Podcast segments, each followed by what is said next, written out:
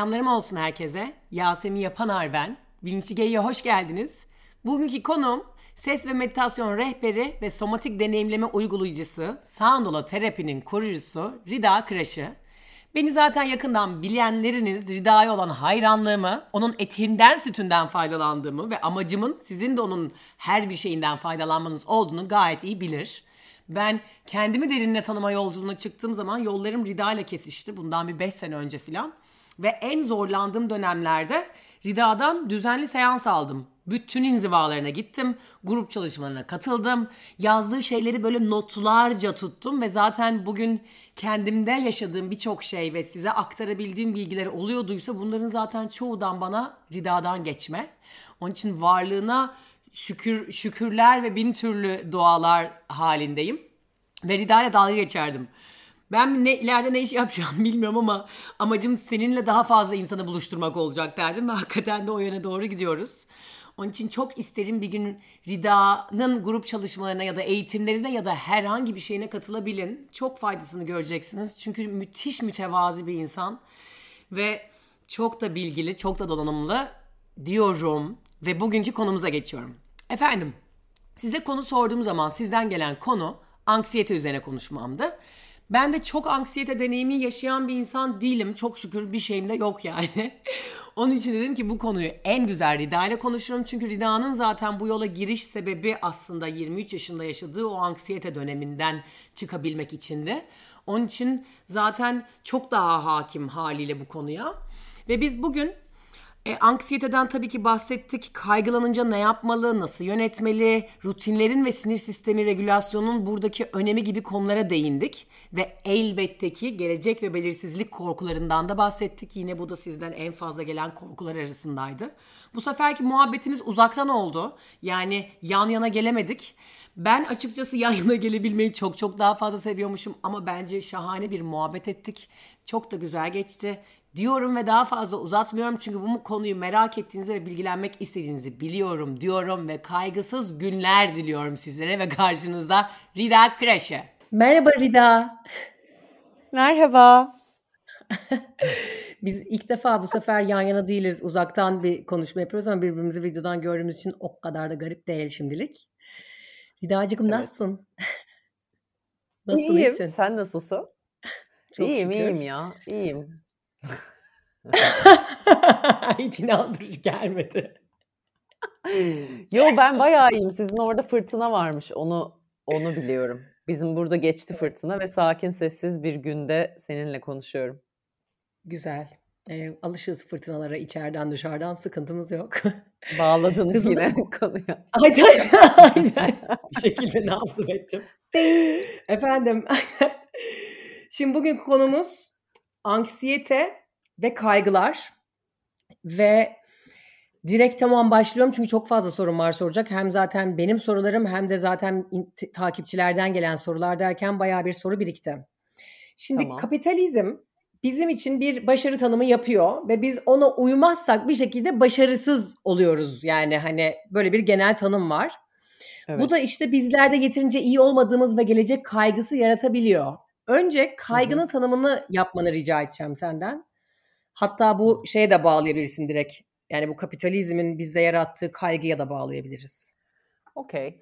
Yani kaygı aslında e, bir e, endişe, bir şeyin olmasıyla ilgili duyduğumuz bir endişe ve bence aslında konunun buradan başlaması çok güzel.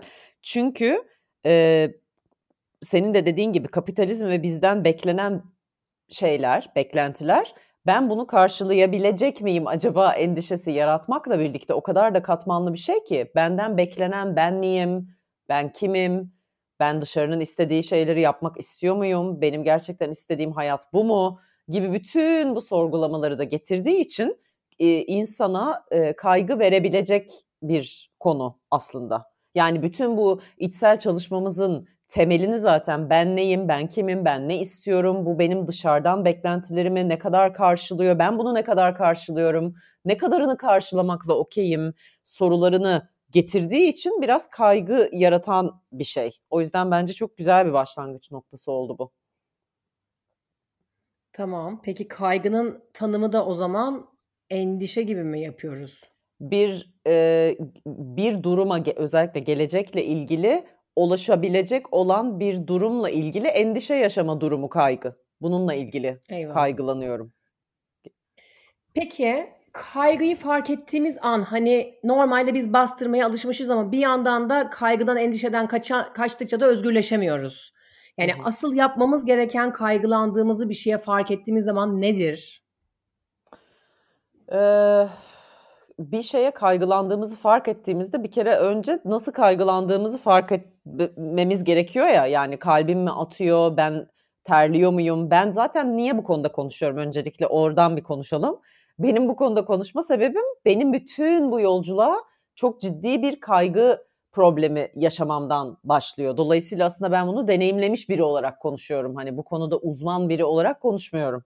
Ee, ama bu konu beni sinir sistemi regülasyonuna, bu konu beni nasıl kendime e, kaygı geldiği zaman çünkü bende o nereden geldiğini anlamadığım bir dalga olarak geliyordu e, ve vücudum biyolojik tepkiler veriyordu. O yüzden bu beni meditasyona, o yüzden bu beni daha sonra somatik deneyimleme ve ye ve sinir sistemi regülasyonuna getirdi. O yüzden kaygı geldiğinde ne yapacağız? O kadar kendini tanımayla ilgili müthiş bir soru ki ne bana kaygı yaratıyor?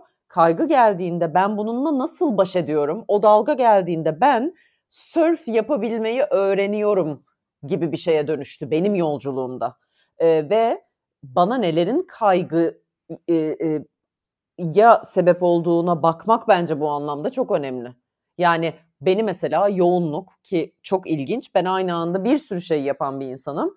Ama aslında uzun vadede aynı anda bir sürü şey yapmanın bana ne kadar kaygı verdiğiyle yüzleştiğim zaman ha bir dakika aslında bu bana iyi gelmiyor. Tam da ilk soruya gidiyor aslında. Bu etrafın benden beklediği bir şey. Çünkü multitasking olmak iyi bir şeydir. E, vakit harcamamak gerekir. Öyle boş boş durulur mu canım? hayatı boşa harcarsın gibi kalıplarım olduğu için aslında ben benim biyolojime iyi gelmeyen şekilde davrandığım için kaygıyı deneyimledim. O yüzden kaygı geldiğinde ne yapalım? Neden bu geldi ve benim şu an neye ihtiyacım var sorusu çok iyi, önemli. Ve orada e, bana her zaman temas etmek, yani bu sinir sistemi regülasyonuna da gidiyor zaten. Temas etmek, neye ihtiyacım var, biraz bir durayım mı, Biraz bir yürümek mi iyi gelecek? Neye ihtiyacım var benim sorusunun cevabı kaygıya ne iyi gelebileceğinin de cevabı ve bu çok da kişisel bir şey. Yani kaygıya iyi gelince beşten geriye say ve kaygı geçsin gibi bir şey yok. O yüzden çok kişi, kişisel bir şey. Toz ve gaz bulutundan mı girdim ben yine acaba? Bir yandan hiç öyle girmedin. Müke- mükemmel anlattın bizde tabii ki şey olabiliyor ya bir tane hap olsun o hapı yutayım ve bir daha kaygılanmayayım gibi düşünebiliyoruz. Onun için de evet. genelde sorularda şey de var. Yani ben bunu bir kere yendiğim zaman yani bunu yenebiliyor muyum yoksa bu yani tekrar tekrar yaşanacak bir şey mi oluyor da diyorlar aynı zamanda.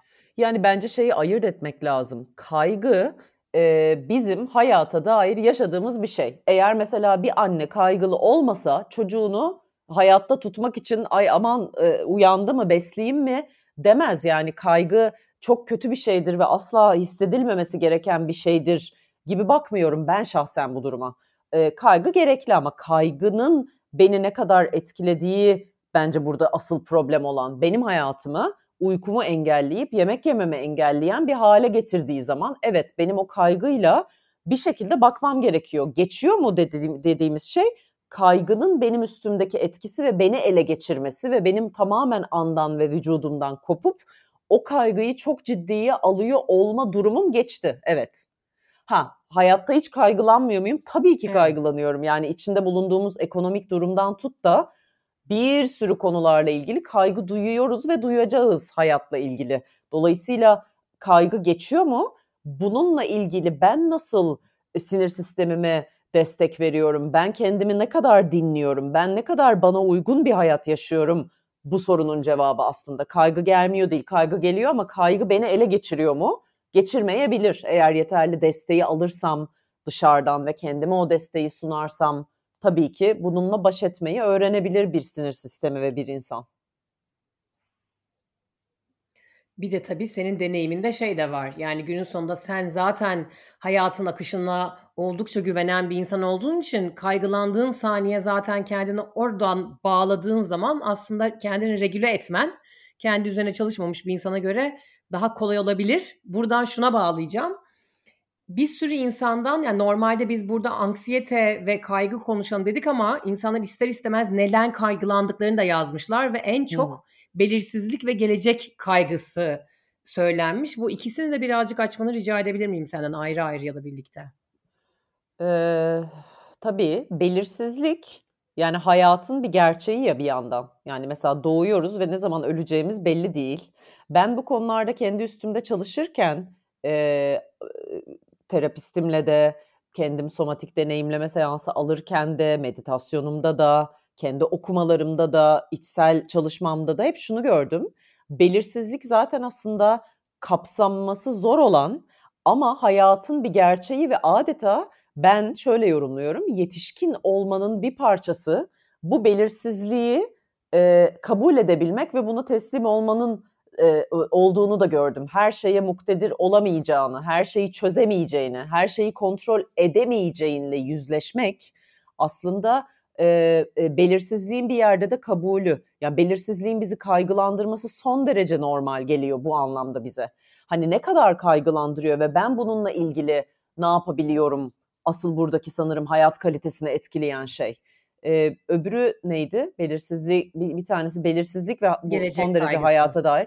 Gelecek kaygısı da yani içinde yaşadığımız toplum, kültür ve değişen bütün bu dünya düzeninde bence son derece hepimizin paylaştığı bir şey. O yüzden hani bununla nasıl baş edilir? E, e, sinir sistemi açısından anlatabilirim. Çünkü bu da çok kişisel bir şey. Ama e, makroda bir şey belirsizken benim anın içerisinde olmam. O yüzden bence bütün pratiklerde ana dönmekten bahsediliyor. Anın içerisinde olmam, anın içerisinde belirli ol, olanları görmem. Yani öleceğim zamanı hiçbir zaman bilmeyeceğim eğer ben buna kendim karar vermiyorsam. Anın içerisinde bazı şeyler belirsiz olabilir ama belirli olan şeyler var. Ee, mesela şu an burada güvende olduğum belirli. Ben şu an onu görebiliyorum ya da yanımda bir ağaç var ve onu görüyorum. Onunla ilişki kurabilirim. Bütün bunlar benim sinir sistemim için kaynaklar. Belirli rutinler oluşturmak bu yüzden sinir sistemi için çok önemli. Şu saatte uyanırım. Yani bunu böyle takıntı haline getirmekten bahsetmiyorum ama işte yoga yaparım, dans ederim, yürüyorum, meditasyon pratiğim olur. Bunların hepsi sinir sistemi için aa burası bildiğim bir yer bilindik bir şeyin içerisindeyim. O yüzden rutin önermek, yazı yazmak, günlük tutmak gibi şeyler aslında e, belirsizliğe karşı kendi içimizde belirli tuttuğumuz bazı şeylerin olması açısından bizim için bir e, regülasyon kaynağı, bir iyi hissetme yeri aslında. O yüzden belirsizlikle baş ederken hayatta her şey ben... belirsizken bazı belirsiz, belirli şeylere tutunmak iyi. Demek istediğim bu. Ben hiç daha önce şey bağlantısını yapmamıştım. Bizim bütün bu yaptığımız işte yogasıydı, yürüyüşüydü, koşusuydu, günlük yazmasıydı ves- vesairesinin aslında bir yandan da belirli olan bize konforlu alanlar sağlamak için de bir yöntem olduğunu bilinçli bir şekilde yapmıyordum mesela. Duymak çok güzel geldi. Yani aslında belki de gerçekten bu rutinleri şu an şey aydınlanması yaşıyorum. Yani hakikaten bu rutinlerin sayısını arttırmak aslında belirli olan şeylerin sayısını arttırmakla eşdeğer oluyor bir yandan dediğin gibi. Evet ve işte burada yine her şeyin belirli bir siyah ve beyaz cevabı yok ya her şey böyle bir denge ya yin yang. E, e, senle biz bunu konuşmuştuk aslında daha önce. Rutinim var ve bugün o rutini yapamadım diye sinir krizi geçiriyor olmak da orada o esnek olmamak aslında. Yani rutinim var, rutinlerim var ama bu rutinlerin sırası belli bir şekilde olmadığında ben bununla ilgili de kaygı yaşıyor olabilirim. O yüzden aslında orada belirli bir çerçevenin içerisinde esnek olmak yani tam anlamıyla so- sinir sisteminde bahsedilen esnek ve dayanıklı, esnek dayanıklı olmak bu, buraya geliyor ve dediğin çok doğru. Mesela sen e, 15 gün üst üste hiç biliyorum neler yaptın o yüzden soruyorum.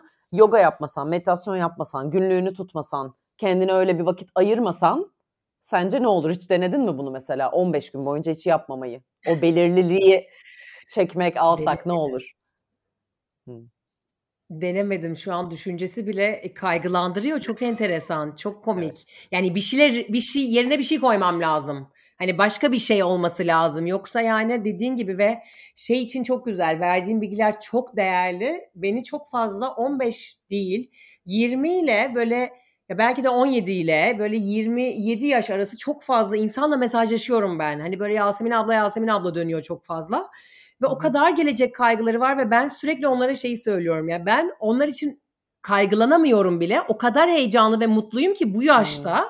Böyle bir kaygı yaşıyorlar ve böyle bir değişimden, böyle bir farkındalıktan geçiyorlar. Çünkü biliyorsun ben ve benim üst jenerasyonda zaten bunu yapma cesareti gösteren insan sayısı çok az.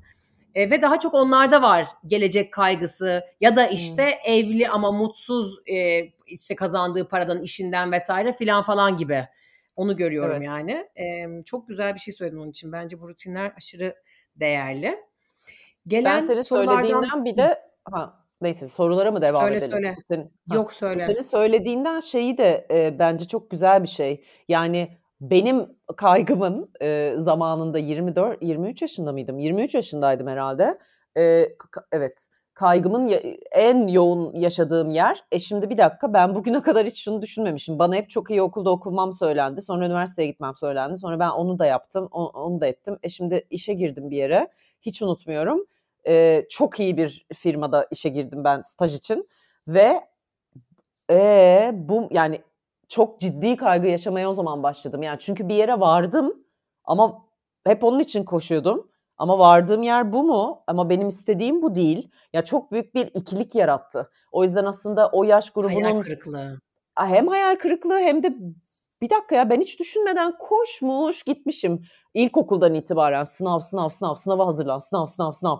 E, nereye vardık mesela vardığımız yer benim hiç istediğim bir yer değil ki. O o evet e, kandırılmış hissetmiştim ve o bende kaygı yaratmıştı. O yüzden aslında bu belirsizlik gelecek kaygısı tabii ki şu anki ekonomik şeyi kenara koyuyorum. Yani ben onu onunla ilgili konuşma şeyi e, yetkisi duymuyorum bile kendimde ama bu kaygı çok anlaşılır. Benim istediğim neler, ailenin, toplumun bana söylediği neler ve oradan bence çok güzel şeyler çıkıyor dediğin gibi yani orada e, o yolculuk, o kaygı o sırada asla geçmeyecek gibi geliyor olabilir ama sonu çok güzel kararlara, dönüşümlere gebe olabilir diye.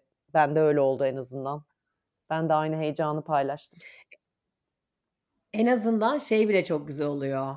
Herkesin ben de herkese şey diye yazıyorum. Yani o kadar çok insan var ki senin gibi mesaj atan, atan diyorum hmm. yani. Hani herkesin benzer kaygıları yaşıyor olması. Çünkü şu an baktığın zaman Hani hakikaten bu çocukların mesleği ne olacak belli değil, eğitim sistemi ne olacak belli değil. Gerçekten bizim zamanımıza göre daha belirsiz bir dönemdeler bir yandan da.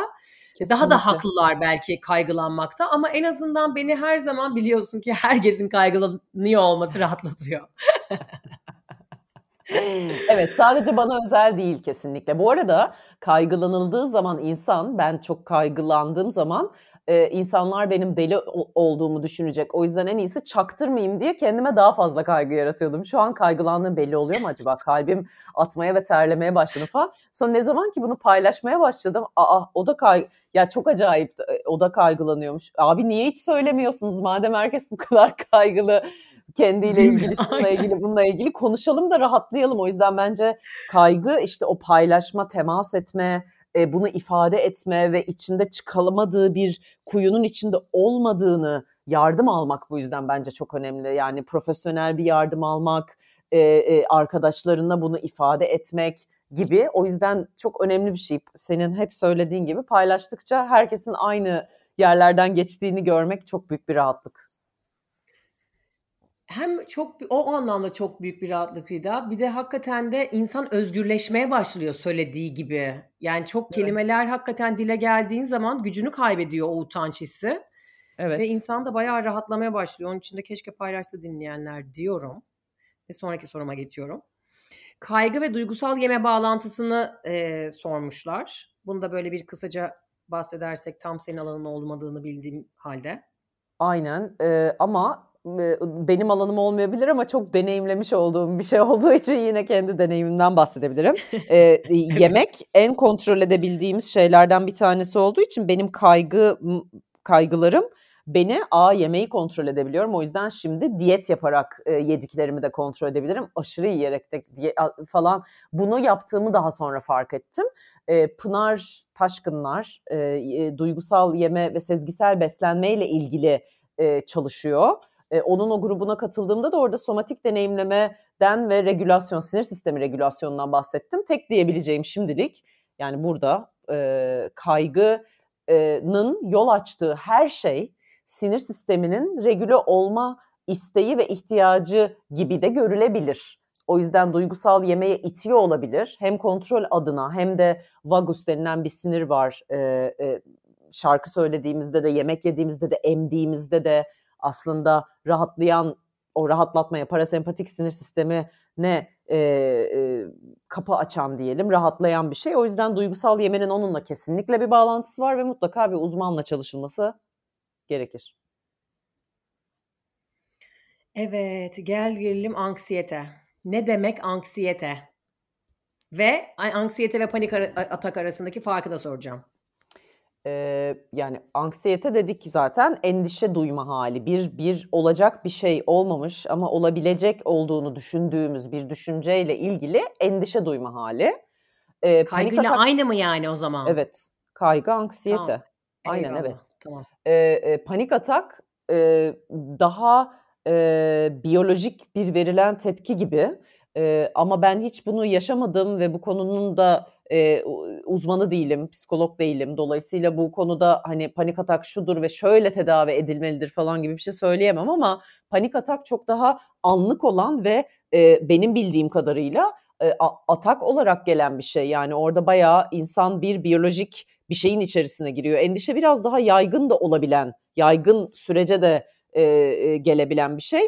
İlginçtir ki ben anksiyetelerimi yaşadığım zamanlarda bazı zamanlar buna e, e, fizyolojik çok ciddi tepkiler de eşlik ediyordu.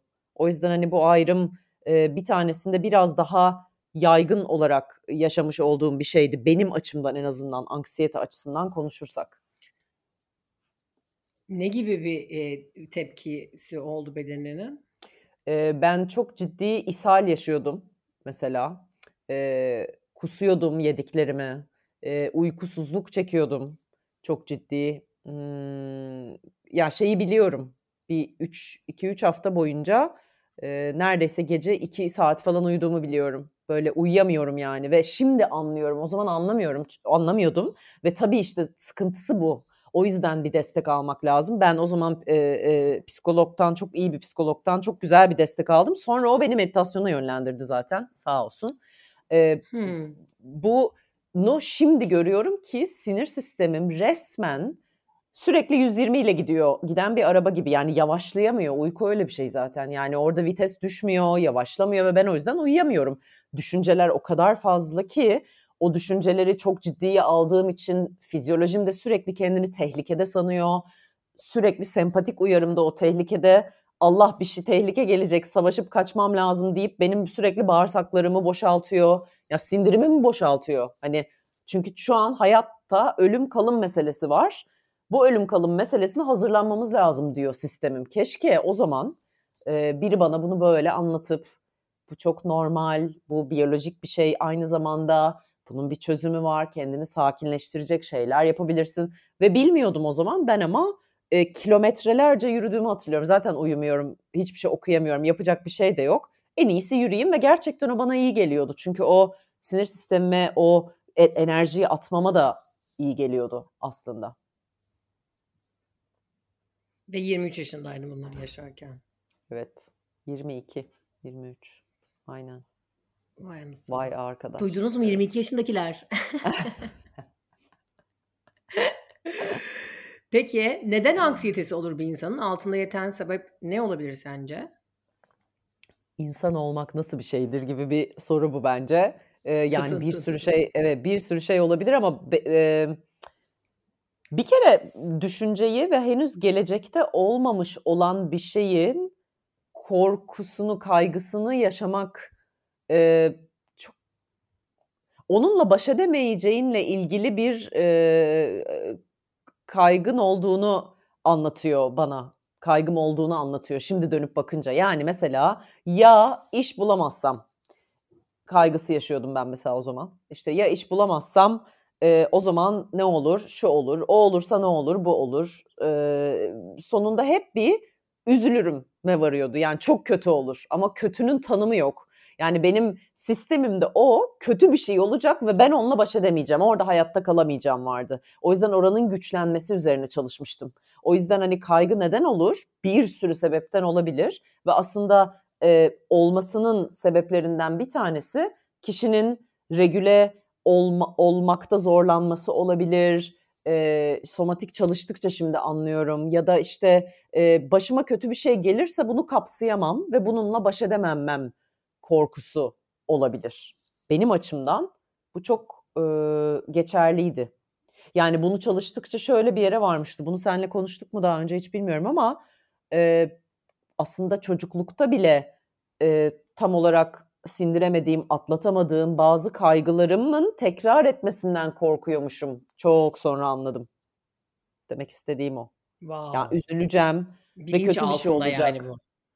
E, gibi evet. Yani fark, farkında olmadan yaşadığım bir düşünceymiş bu aslında. Böyle bir şey olacak ve ben kendimi çok kötü hissedeceğim ve atlatamayacağım bunu. Ama artık büyüdüğümün, artık daha bunlarla baş edebilecek becerilerimin olduğunu, yardım alabileceğimi, kaynak yaratabileceğimi, kendime iyi gelebileceğini e, keşfettikçe bu, ha bir dakika, kaygı bir haberciye dönüşmeye başladı bana. Şimdi hala e, birazcık kaygının K'sini hissetmeye başladığımda biliyorum ki yeterince dinlenmedim. Biliyorum ki belirlemeye çalıştığım bir şey var ya da duygusal olarak sindirmediğim bir konu var. Hep çözmediğim aslında mesela bir şey benim canımı sıkmış ama ben o canımı sıkan şeyle ne yüzleşmişim ne onun ona bir bakmışım ne de onu muhatabıyla konuşmuşum vesaire vesaire. Yani hep bunu artık ben aslında bir soruna gitti bu da. Ee, kaygı hiç gelmiyor mu? Geliyor ama bu daha kaygının beni ele geçirmesinden çok önce fark edebiliyorum bunun üzerine çalıştığım için diyebilirim. Ve bununla ilgili ha ya benim biraz dinlenmem lazım ya benim biraz desteğe ihtiyacım var, bir temasa ihtiyacım var ya da biriyle bir şeyi çözmem gerekiyor, bir şeyi sindirmem, dönüştürmem, o duyguyu dönüştürmem gerekiyor diyorum artık kendime. Meditasyon burada acayip bir yardımcı. Yoksa da zaten destek aldığım bir sürü e, profesyonel var. Tabii bunun için çok büyük bir beden farkındalığı ve haliyle rutinlerin ve kendini tanıma gerektiriyor şu söylediğin şey tabii ki yani. Yani zaten bu bizi şöyle bir yere vardı. E, farkında, kaliteli ve kendi hayatımıza sahip çıktığımız bir şey için bence bunlar gerekli zaten. Kesinlikle sadece kaygı için de değil, daha tatmin bir hayat için neredeyim, nereye gidiyorum, neler oluyor benim içimde, bu gördüğüm, duyduğum ya da maruz kaldığım şeyler bedenimde nasıl etkiliyor, buna nasıl sınır çizebilirim? Yani bir insan e, kendisine iyi gelen, gelmeyen bir şey yapmaya devam ediyorsa bu onun bedeninde bir e, e, sisteminde bir birikim sağlıyor. O zaman orada nasıl kendimi koruyabilirim, sınır çizmeliyim yani hepsi dönüyor dolaşıyor. Farkındalığa geliyor aslında. Ben hayatımda olup bitenlerle, yaşadığım şeylerle e, nasıl bir ilişki kuruyorum aslında dediğin çok doğru. Rutinler ne kadar destek alıyorum buna gibi rutinlerden. Peki şunu soracağım sana. Şimdi insanların bahaneleri arasında şunu görebiliyorum. Ee, evet sevmediğim işteyim vesaire ama yapmak zorundayım. Yani çalışmak zorundayım. Şimdi bazı insanlarda ya da mesela gençlerde de benim terapiye gidecek bütçem yok diyor mesela. Yani bu iki kısım içinde ne önerebilirsin? Nereden başlamayı önerebilirsin? Ee, yani terapi kısmına bir şey öneremem ama en son bir, bir yer e, online çok daha uygun fiyata uzman psikologlar ve psikoter, e, e, psikiyatristlerle randevu yapılan bir site görmüştüm. Belki bu podcast'in altına sonra şu an unuttum. Yani bir birinin tamam. duyurduğunu görmüştüm Tabii. onu.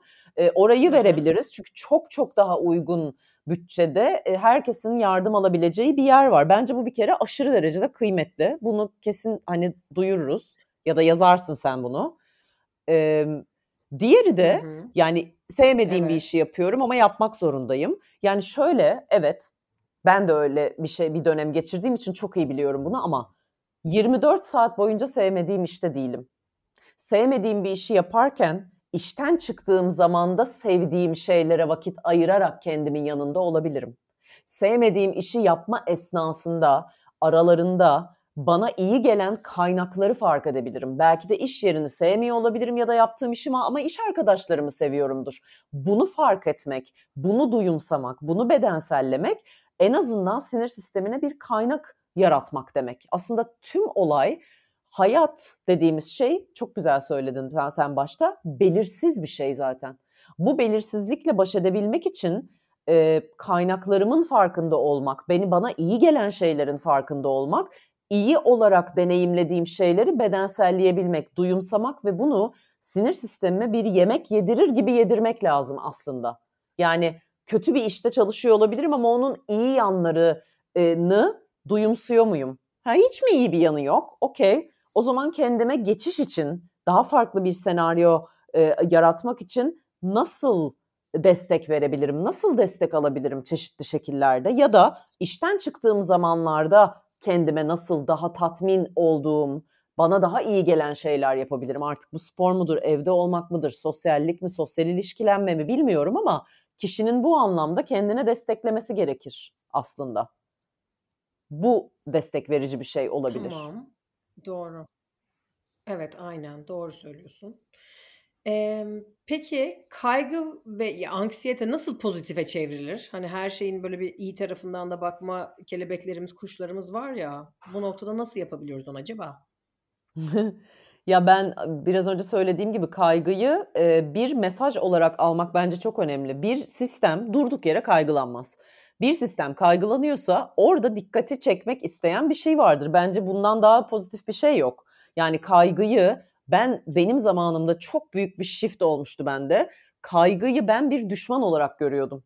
Ne zaman ki kaygıyı ben benim başıma zavallı benim başıma gelmiş bir şey olarak değil de a kaygı bana bir şey anlatıyor. Benim sistemim bana bir şey anlatıyor olarak algılamaya başladım. Bende bir sürü şey değişmeye başladı. Bu tabii terapiyle oldu zamanında. Ee, ve şimdi de dedim ya kaygının K'sini tanıdığım zaman mesela irite olmaya başladığım zaman yani aslında ne ne demiş oluyorum? Sinir sistemimin aktive olduğu zamanları fark edebilmeye başlıyorum.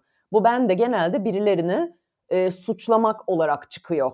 O daha kaygının öncesi yani. İritasyon olarak böyle tahammül edememe, yalnız kalma isteği gibi şeyleri belirtileri oluyor. O belirtileri fark ettiğim zaman bunun bir kaygıya dönüşmesine gelmeden kendime o regülasyon alanını sağlamak, kendime o kaynağı sağlamak bence çok güzel bir pozitife çevirme yeri. Ya da durup meditasyonu öyle de kullanabilirim ya da yazı yazıp ben tam olarak ne oluyor şu an bende? Göğsüm sıkışıyor.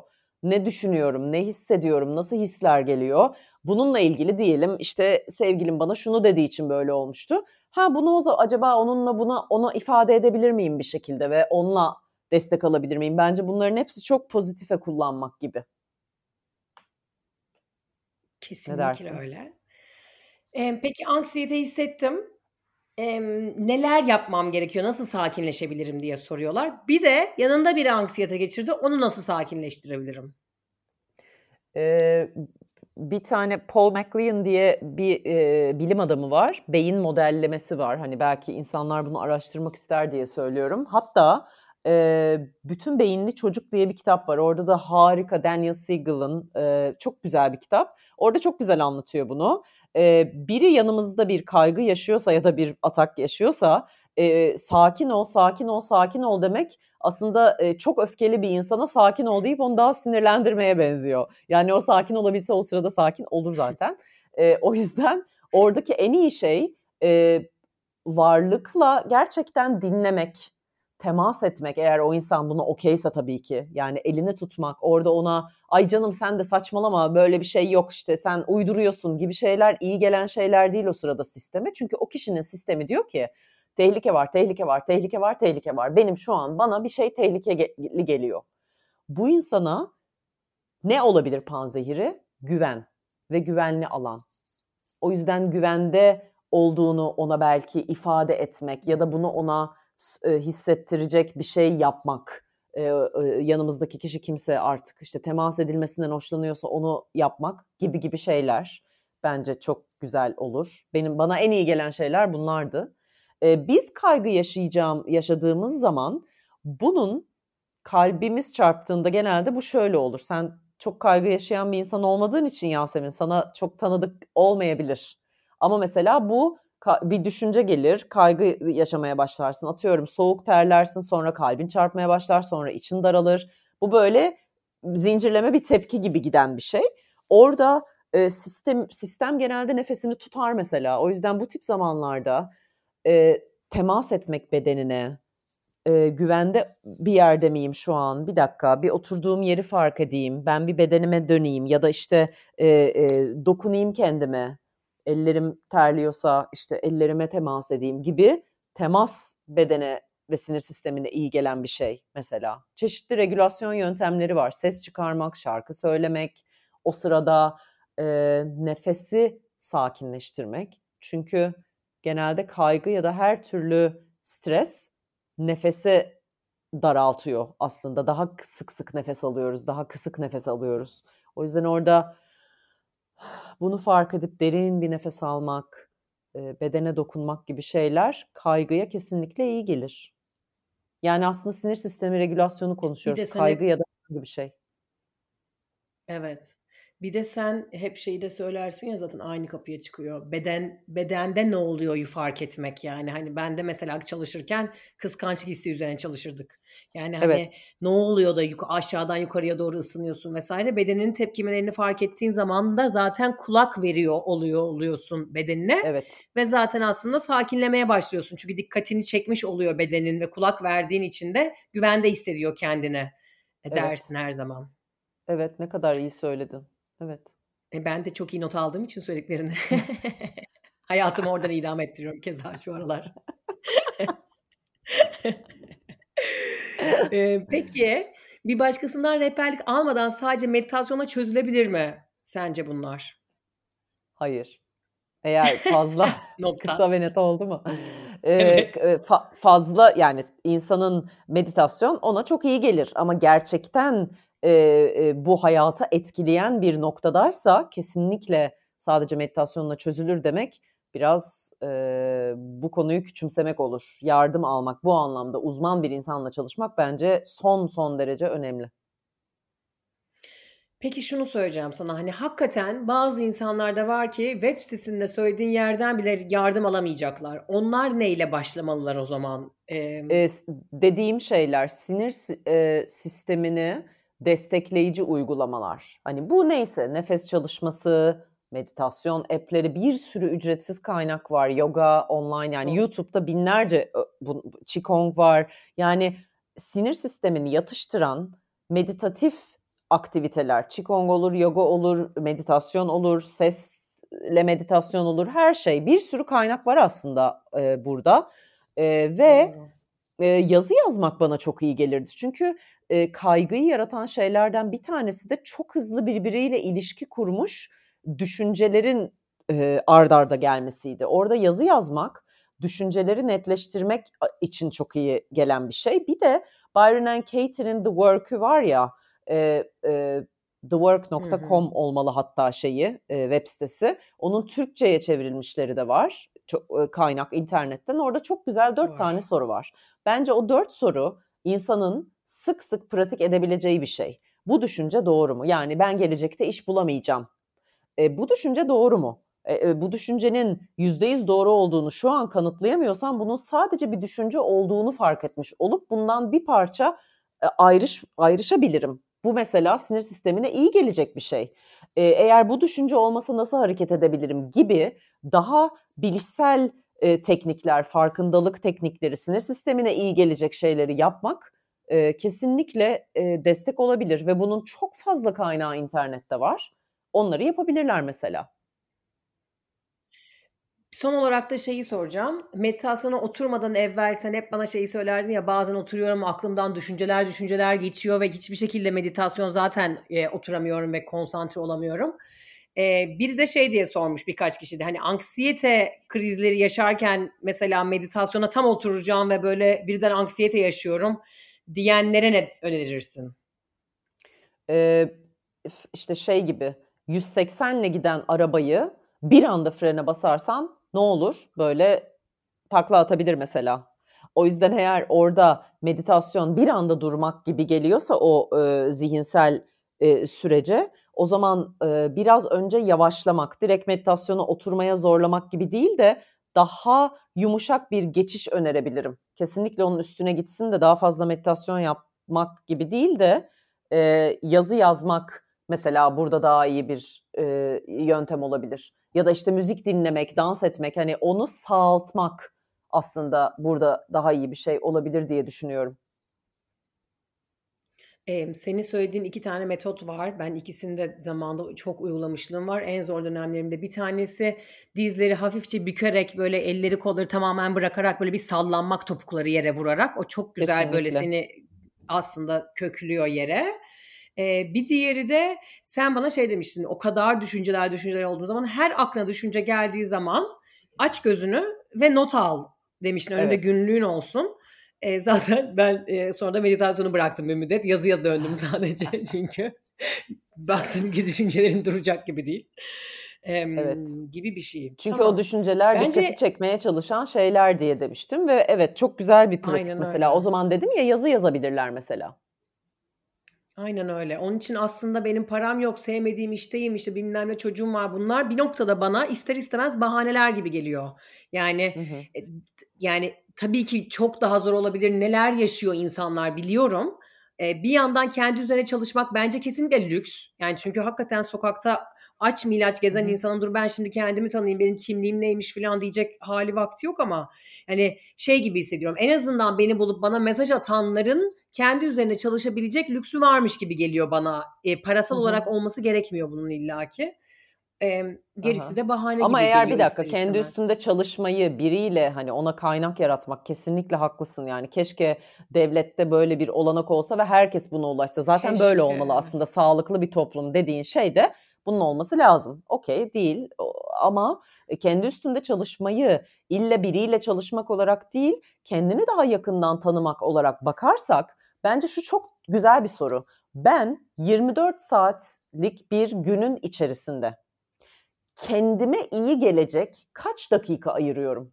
Bunun parayla, bunun e, durumla bir alakası yok. Yani bunun e, bunun bir iyi geleceğine dair bir deneyim yaşaması gerekiyor o insanın. Eğer bunu yaratırsa bir kişi her gün 10 dakika bile olsa, 15 dakika bile olsa iş için, başkasını memnun etmek için, sosyallik için, zayıflamak için, akşam yemek dı dı dı gibi değil. Hani bir 10 dakika, bir 5 dakika, bir 1 dakika e, kendinle baş başa kalmak ve nasılsın, iyi misin, hani kendine bir bakmak bu e, otobüste giderken de yapılabilecek bir şey. Demek istediğim bu. Yani o bence bir çalışma olarak şimdi ben seansa gireceğim gibi değil de daha içsel diyaloğun gelişmesiyle ilgili olarak bakarsak eğer bence insan buna zaman ayırabilir kendine nasılsın sorusunu sormak. Neye ihtiyacın var? Ee, bir bardak sıcak çay, çay içmek bile bazen benim en büyük regülasyon kaynağım. Oturup bir bardak sıcak çayı durup içmek ve onu fark ederek içmek bana çok çok fazla iyi geliyor. Hani bu da e, bir şey. Önemli bir şey. Bir yöntem. Evet. Ridacıkım ekleyecek başka bir şeyin var mı? Yok. Bence yeterince konuştuk. Sen başta e, biz niye bu konuşmayı yaptığımız buldum. girişini yapmış mıydın podcast şeyin başında, kaydın başında? Sen yokken yapacağım. Sen yokken yapacağım. tamam okey. Poyamı ortaya çıkardın. tamam okey anlaştık. Arkandan konuşacağım arkandan. Cevap hakkı doğmayacak bana diyorsun. İyi.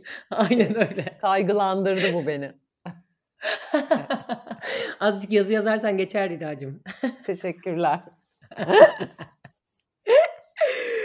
Efendim e, bizi dinlediğiniz için teşekkür ederiz. Sizleri seviyoruz ve öpücükler. Gelecek bölümlerde görüşmek dileğiyle.